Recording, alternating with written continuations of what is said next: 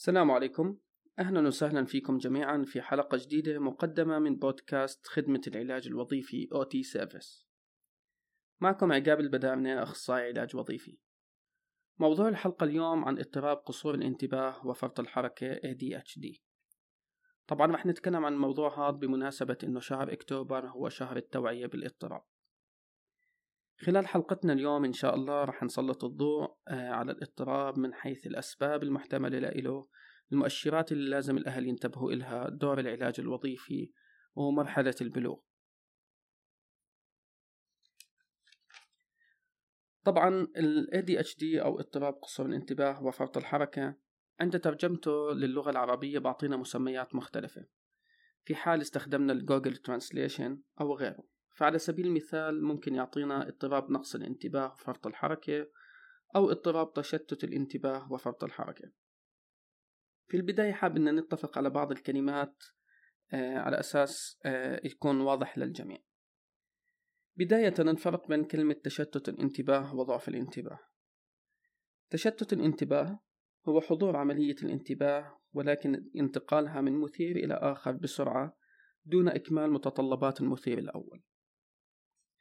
أما ضعف الانتباه هو هبوط عام بالأداء لعملية الانتباه. وكلاهما غير دقيق لاضطراب آه، قصور الانتباه وفرط الحركة بسبب أن ال ADHD اللي هو Attention Deficit and Hyperactivity Disorder ترجمة كلمة deficit للغة العربية آه، إحنا عارفين لغتنا العربية لغة غنية فبالتالي هون آه، اللي هو ممكن يعمل الاختلافات.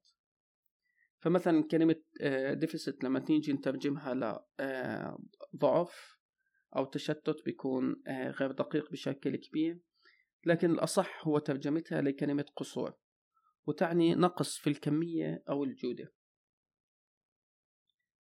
ال ADHD طبعا هو اضطراب نمائي عصبي مرتبط بضعف في وظيفة بعض أجزاء الدماغ اللي هي اللي في sorry ال prefrontal cortex والتي إلها علاقة طبعا هاي المنطقة إلها علاقة بالتخطيط التركيز ضبط الحركة وضبط الانفعالات. طبعا بصاحبها اختلال في انتقال بعض النواقل العصبية. طبعا أسباب ال ADHD هناك أسباب آه، عديدة ومختلفة وفي دراسات آه، كثيرة عن الموضوع. آه، الدراسات العلمية التصويرية بينت أن تأخر في بينت أنه هو تأخر في نماء ونضج بعض أجزاء قشرة الدماغ. طبعا الوراثة كان لها دور أساسي في حدوث ال ADHD حيث أن الأقارب من الدرجة الأولى للأشخاص الذين لديهم ADHD لديهم قابلية من ضعفين إلى ثمانية أضعاف مقارنة مع أقارب أشخاص ليس لديهم الاضطراب. طبعا نسبة العامل الوراثي في الأبحاث القائمة على التوائم كانت عالية ما بين 71 إلى 90% طبعا نسبة حدوث ال ADHD أعلى لدى الأطفال الذين لديهم اضطرابات نمائية أخرى مثل صعوبات التعلم صعوبات النطق واللغة التوحد والتأخر الذهني. بعض الدراسات بينت زيادة في نسب الاضطراب لدى الأطفال للأمهات التي قمن بالتدخين أو شرب الكحول أثناء الحمل التعرض للملوثات البيئية وغيره. توجد دراسات حول زيادة النسب لدى الأطفال الذين تم ولادتهم مبكرا أو كان وزنهم منخفض أثناء الولادة. حاليا رح نتكلم عن المؤشرات التي يجب أن ينتبه عليها أولياء الأمور آه، على أساسهم يراجعوا سواء مختص أو آه، يحكوا إنه أنا ممكن طفلي تكون آه، عنده بعض هاي الأعراض لل ADHD ومنها لا ينتبه إلى التفاصيل يتشتت انتباهه بسهولة لديه صعوبة في تنظيم المهام المهام وإتمامها لديه صعوبة في الجلوس مدة طويلة في نفس المكان دون حركة. كثير الحركة كالجري التسلق وذلك دون هدف أو بتصرفات غير مقبولة.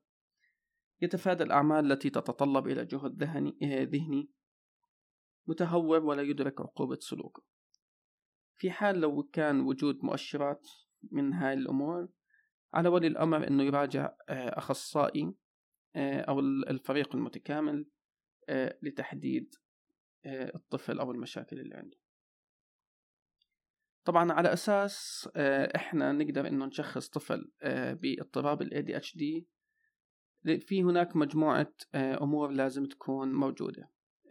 للأسف إحنا عارفين أغلب الأهالي أو المعلمين ممكن إنه يقرأ أي نص أو أي دراسة أو مثلا أي مقالة على الإنترنت ويصير حكمه متسرع بالنسبة على إلقاء أو مثلا حكم متسرع في تشخيص الطفل.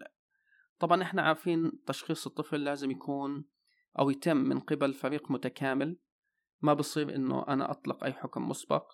فبالتالي أنا حاب إني أوضح إنه إيش لازم آه، أو كيف متى لازم إني أنا أفكر إنه هذا الطفل ممكن إنه هو يتشخص ك ADHD سواء أنا كنت ولي أمر أو كنت معلم آه، أو غيره دون طبعا أي حكم مسبق.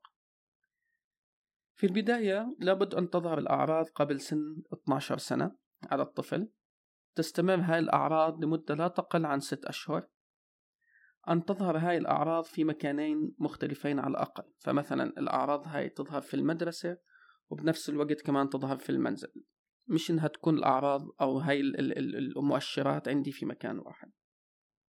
طبعا هاي كلها الأعراض يجب أن تؤثر على الأداء الطفل الأداء الوظيفي للطفل. بالتالي ليس من الصحيح في حال ظهور بعض المؤشرات الحكم المسبق على الطفل بأنه ADHD فلازم إحنا نتأكد آه، ونشوف نراجع الجهات المختصة أو الفريق المختص بهذا الموضوع. نتطرق سريعا على إنه كيف الأهل ممكن يساعدوا أطفالهم للتعايش مع آه، ال ADHD هو عدم التمييز ما بين الطفل المصاب والأطفال الآخرين استخدام طرق, آه، طرق تدريس معتمدة على تعدد الحواس آه، قدر المستطاع التخفيف من المشتتات حول الطفل تشجيع الطفل بشكل مستمر المحافظة على الروتين اليومي تقسيم الأعمال المطلوبة إلى مهام قصيرة للطفل. من التوصيات والتوجيهات آه، للتعامل مع أطفال ال ADHD آه، عند أداء الواجبات والمهام. هي تهيئة مناخ مناسب للطفل وإعطاء محفزات خارجية. إعطاء استراحة للطفل بشكل مستمر وتمارين استرخاء التزود بالأغذية الغنية بالجلوكوز. طبعا حاليا حاب أتكلم عن فترة البلوغ عند عند ال ADHD حيث أنه خلال بحثي خلال فترة من بداية آه، شهر عشرة ما حصلت أبحاث أو دراسات كثيرة تتكلم عن مرحلة البلوغ وخصوصا في الوطن العربي. حتى الخدمات المقدمة آه، للأشخاص اللي عندهم ADHD في مرحلة البلوغ كانت جدا محدودة وتكاد تكون معدومة. طبعا اكتشف الباحثون أن أعراض ال ADHD تستمر مع 60% من الأطفال المصابين به حتى مرحلة البلوغ. وعلى الرغم من ذلك يمارس العديد منهم حياتهم دون أي علاج أو تدخل. كثيرا ما يعاني المصابون بال ADHD في مرحلة البلوغ من أمراض متزامنة مثل الاكتئاب اضطرابات القلق اضطراب المزاج ثنائي القطب وتعاطي المواد المخدرة.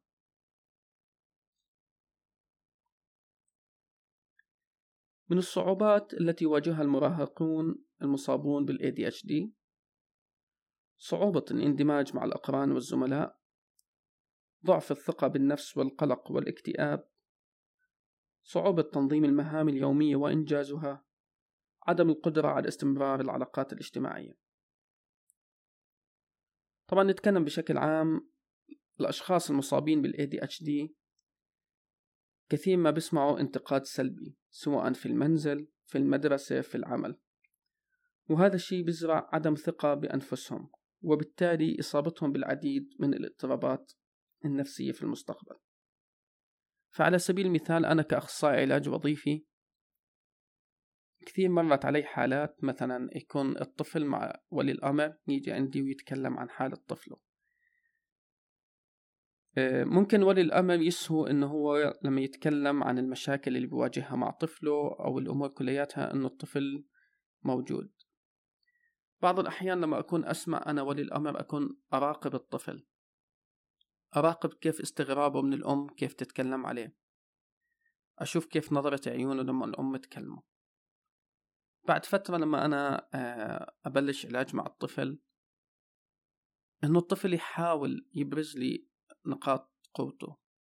لكن كثير من الأحيان ممكن بكل صراحة يقول لي أنا ما بدي أنا مش عارف خلص أنتوا دائما تحكوا أنا مش عارف أنا ما بدي.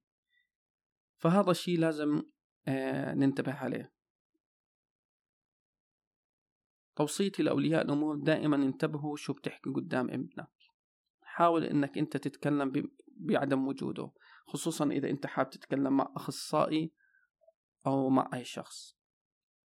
بالنهاية حاب إني أتكلم إنه آه، ما نحكم أي حكم مسبق إنه بشكل عشوائي إنه الشخص مصاب دي اتش دي خلينا نكون الموضوع بأكثر مبني على أسس علمية أكثر. آه، نشوف شو هي المؤشرات عن طفلي ومدى تكرارها وأماكنها. بعدين أتوجه للفريق المختص الكامل.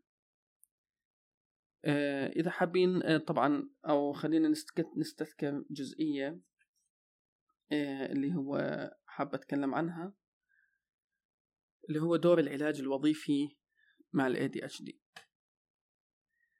طبعا كأخصائي علاج وظيفي مع أطفال ال ADHD بعمل على تقييم جوانب عديدة على أساس أحدد تأثير اضطراب ال ADHD على الأداء المهام اليومية للشخص. فمنها المهارات الحركية الكبيرة المهارات الحركية الدقيقة آه، ممكن الجوانب آه، آه، الإدراكية وغيرها. طبعا أيضا الاستجابات الحسية والمستوى الوعي والانتباه بشكل عام أو سوري بشكل خاص. طبعا عند الانتباه والتركيز أنا بحدد مدى تأثير قصور الانتباه عنده وتأثيره على أدائه لمهارات الحياة اليومية. طبعا أهم كمان الجوانب اللي أنا بشوفها اللي هي السلوكيات ومهارات التواصل واللعب. بعض الأدوات التقييمية اللي أنا ممكن أستخدمها مع الأطفال ADHD هو اختبار سبت اللي هو إحنا بنشوف آه، جوانب التخطيط الحركي والتناسق الحركي للطفل والاستجابات الحسية إلها. وغيره في اختبارات ممكن إن تكون عبارة عن أسئلة موجهة للأهل زي السنسور بروفايل وغيرها. أساس تدخل العلاج الوظيفي مع آه، ال ADHD راح يكون مبني على الأسس التالية اللي هي Behavior Management إدارة السلوك ال Cognitive Retraining إعادة التدريب على المهارات الإدراكية والسنسوري Integration اللي هو التكامل الحسي.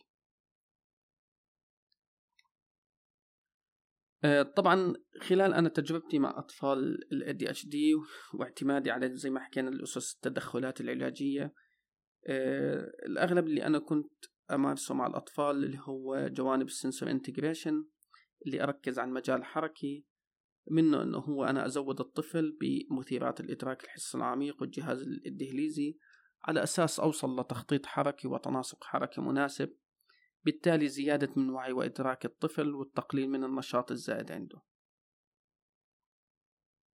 طبعا آه، كثير كنا كمان نشتغل على أمور إنه تقوية عضلات الجذع وعضلات الكتف لأنه إحنا عارفين كيف ارتباطها بالمهارات الأخرى سواء كتخطيط حركي وتناسق حركي. أساسنا كان في في العلاج بشكل عام إنه أنا أوصل للسلف ريجوليشن مع الطفل. فهو هون الأساس اللي أنا حاب إنه أوضحه كيف إني أنا بدي أوصل لل sensory regulation آه sorry ال self regulation التنظيم الداخلي عند الطفل من خلال تزويده بأمور مختلفة معتمد على زي ما حكينا التدريب الإدراكي وإدارة السلوك مع التكامل الحسي. وهي مثلا إنه أوصل لتخطيط حركي مناسب عند الطفل أزوده بمثيرات إدراك حسي عميق عشان أزيد من وعيه وإدراكه وأقلل من اندفاعيته مثلا أو آه، قصور من انتباهه له في حال أي حد آه، حاب يستفسر أكثر كيف إنه ممكن يتعامل مع طفله ممكن يتواصل معي على أي من حساباتي على تويتر أو إنستغرام أو الفيسبوك تحت اسم أوتي سيرفيس. أه وطبعا أنا في حاب إني أذكر شغلة إنه ما شاء الله إخواننا في السعودية المعلمين أه كثير أشوف آه، ممارساتهم حلوة وكثير معلوماتهم ممتازة مع آه، ال ADHD آه، صراحة ممكن يكونوا حتى مرجع عنا كالوطن العربي. للأسف ما بتحضرني الأسماء بشكل كامل لكن ما شاء الله كلياتهم إلهم خبرتهم الكبيرة. طبعا معلوماتي اليوم كانت آه، مأخوذة من عدد من الدكاترة بشكل مختلف سواء دكتور مشعل السلطان في مستشفى جليلة آه، الدكتورة أمل من السعودية آه، عدد من حسابات التويتر إضافة لكتاب ال Quick Reference للعلاج الوظيفي. فإن شاء الله تكون هي أنا عارف حلقة بسيطة إن شاء الله تكون مفيدة لكم. ما حبيت إني أنا أتعمق بالمعلومات حبيت إنها تكون كتوعية عامة عن اضطراب ال ADHD إن شاء الله نلقاكم بحلقة جديدة وإن شاء الله راح تكون الحلقة القادمة عن التكنولوجيا المساندة لأنه كمان شهر أكتوبر هو شهر التوعية بالتكنولوجيا المساندة. يعطيكم العافية جميعا وشكرا لسماعكم.